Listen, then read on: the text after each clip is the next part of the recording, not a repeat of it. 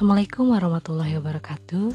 Jika sebelumnya saya membahas tentang arus bolak-balik, maka sekarang saya akan menjelaskan tentang induksi elektromagnetik.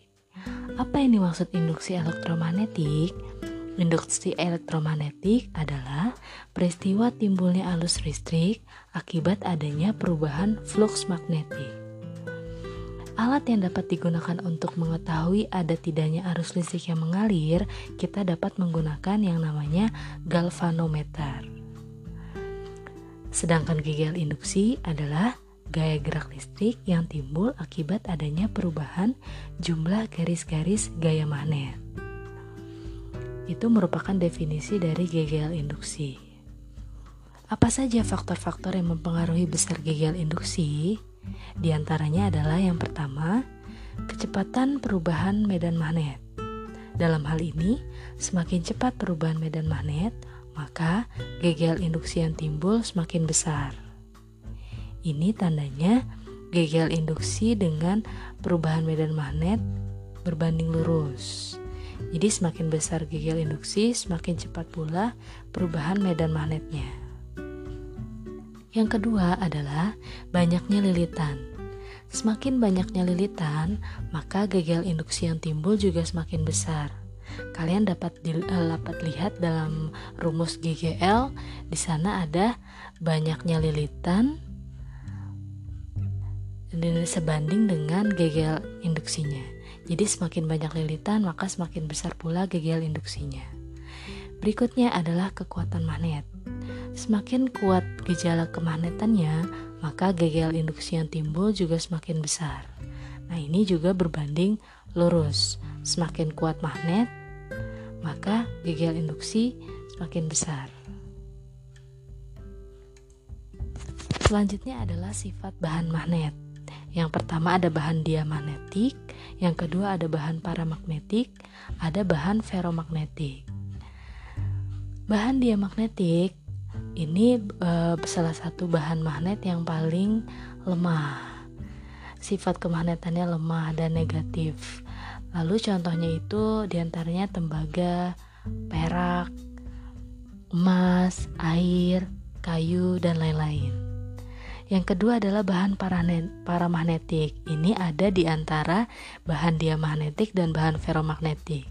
Jadi dia kekuatannya itu tidak lemah, tidak juga kuat. Contohnya adalah ada lithium, platina, aluminium, dan lain-lain. Sedangkan yang ketiga adalah bahan fer ferromagnetik. Nah, ini yang paling kuat di antara diamagnetik dan paramagnetik. Apa saja contoh ferromagnetik? Di antaranya besi, baja, nikel, kobalt, dan lain-lain. Jadi yang uh, kalau ditanya dari uh, sifat bahan magnet ini yang paling kuat adalah bahan ferromagnetik, sedangkan yang paling lemah adalah diamagnetik.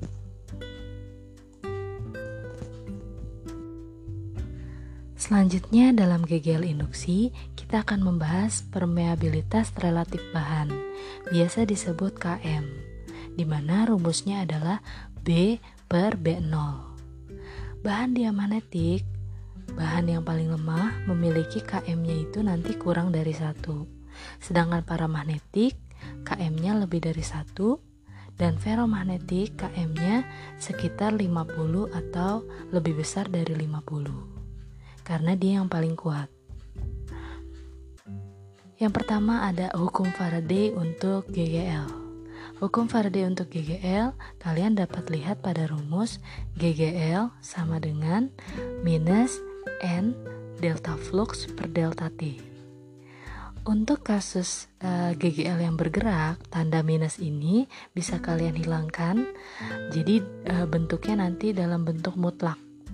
Jadi langsung mutlak GGL sama dengan N mutlak delta flux per delta T.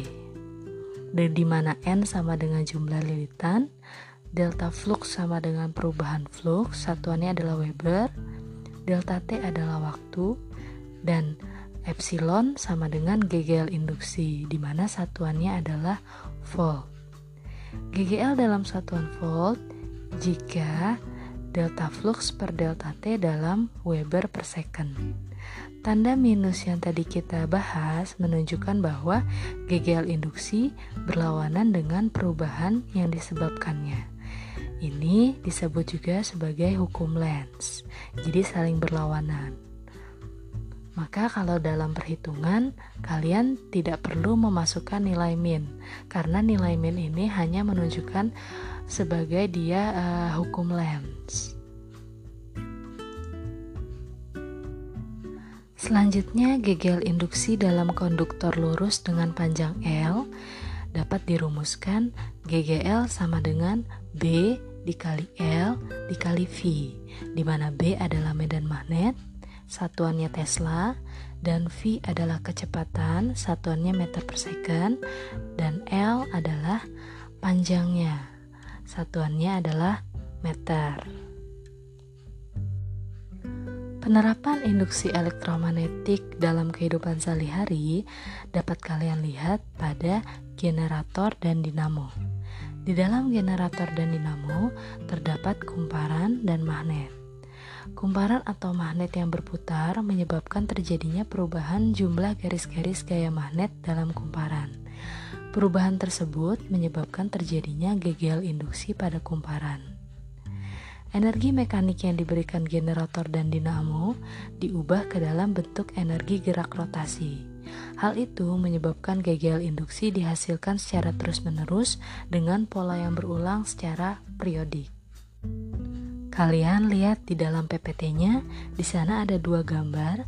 Yang pertama adalah generator listrik, yang kedua adalah trafo.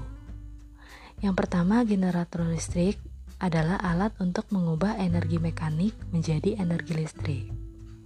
Prinsip kerja generator adalah dengan memutar suatu kumparan dalam medan magnet sehingga menimbulkan gegel induksi. Sedangkan trafo, trafo merupakan alat untuk mengubah yaitu memperbesar atau memperkecil tegangan arus bolak-balik berdasarkan prinsip induksi elektromagnetik, yaitu memindahkan energi listrik secara induksi melalui kumparan primer ke kumparan sekunder.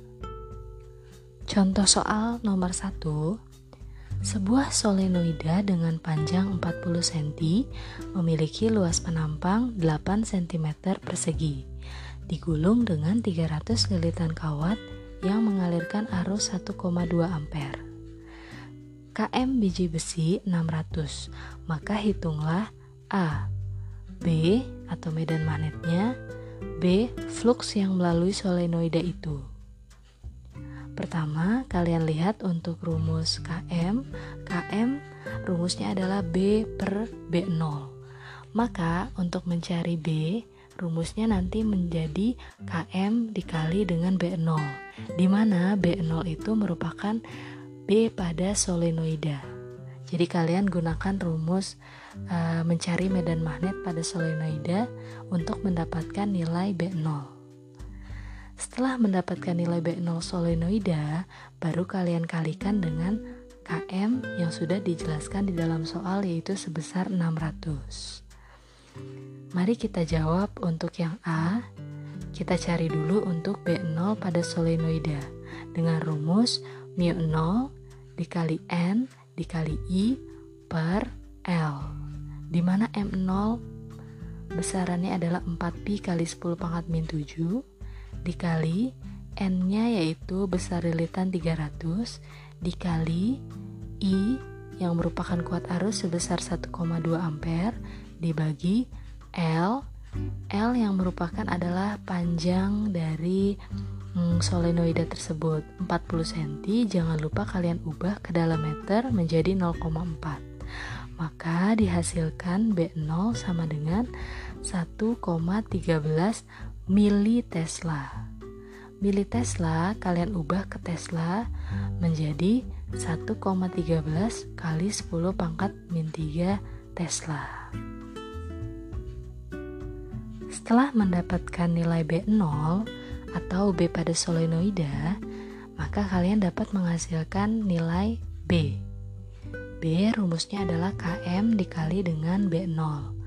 KM diketahui dalam soal untuk biji besi sebesar 600. maka 600 dikalikan dengan nilai B0 yang 1,13 kali 10 pangkat min 3 dihasilkan nanti hasilnya adalah 0,68 Tesla. Selalu ham, selalu ambil dua angka di belakang koma. Itu tadi jawaban untuk yang poin A sekarang yang poin B flux yang melalui solenoide itu Flux, seperti kita ketahui rumusnya adalah B dikalikan dengan A. Setelah kalian mendapatkan nilai B sebesar 0,68, maka kalian kalikan dengan A atau luas penampang yang diketahui dalam soal. Kita dapat kalikan 0,68 dikali 8 kali 10 pangkat min 4 meter persegi. Jadi tadi dari cm persegi kalian harus convert dulu ke meter persegi. Didapatkan hasilnya 54 dikali 10 pangkat min 6 Weber. Karena 10 pangkat min 6 merupakan 1 mikro, maka kalian dapat e, mengubahnya menjadi 54 mikro Weber. Demikianlah penjelasan induksi elektromagnetik dari saya. Mudah-mudahan uh, kalian dapat memahami dengan baik. Wassalamualaikum warahmatullahi wabarakatuh.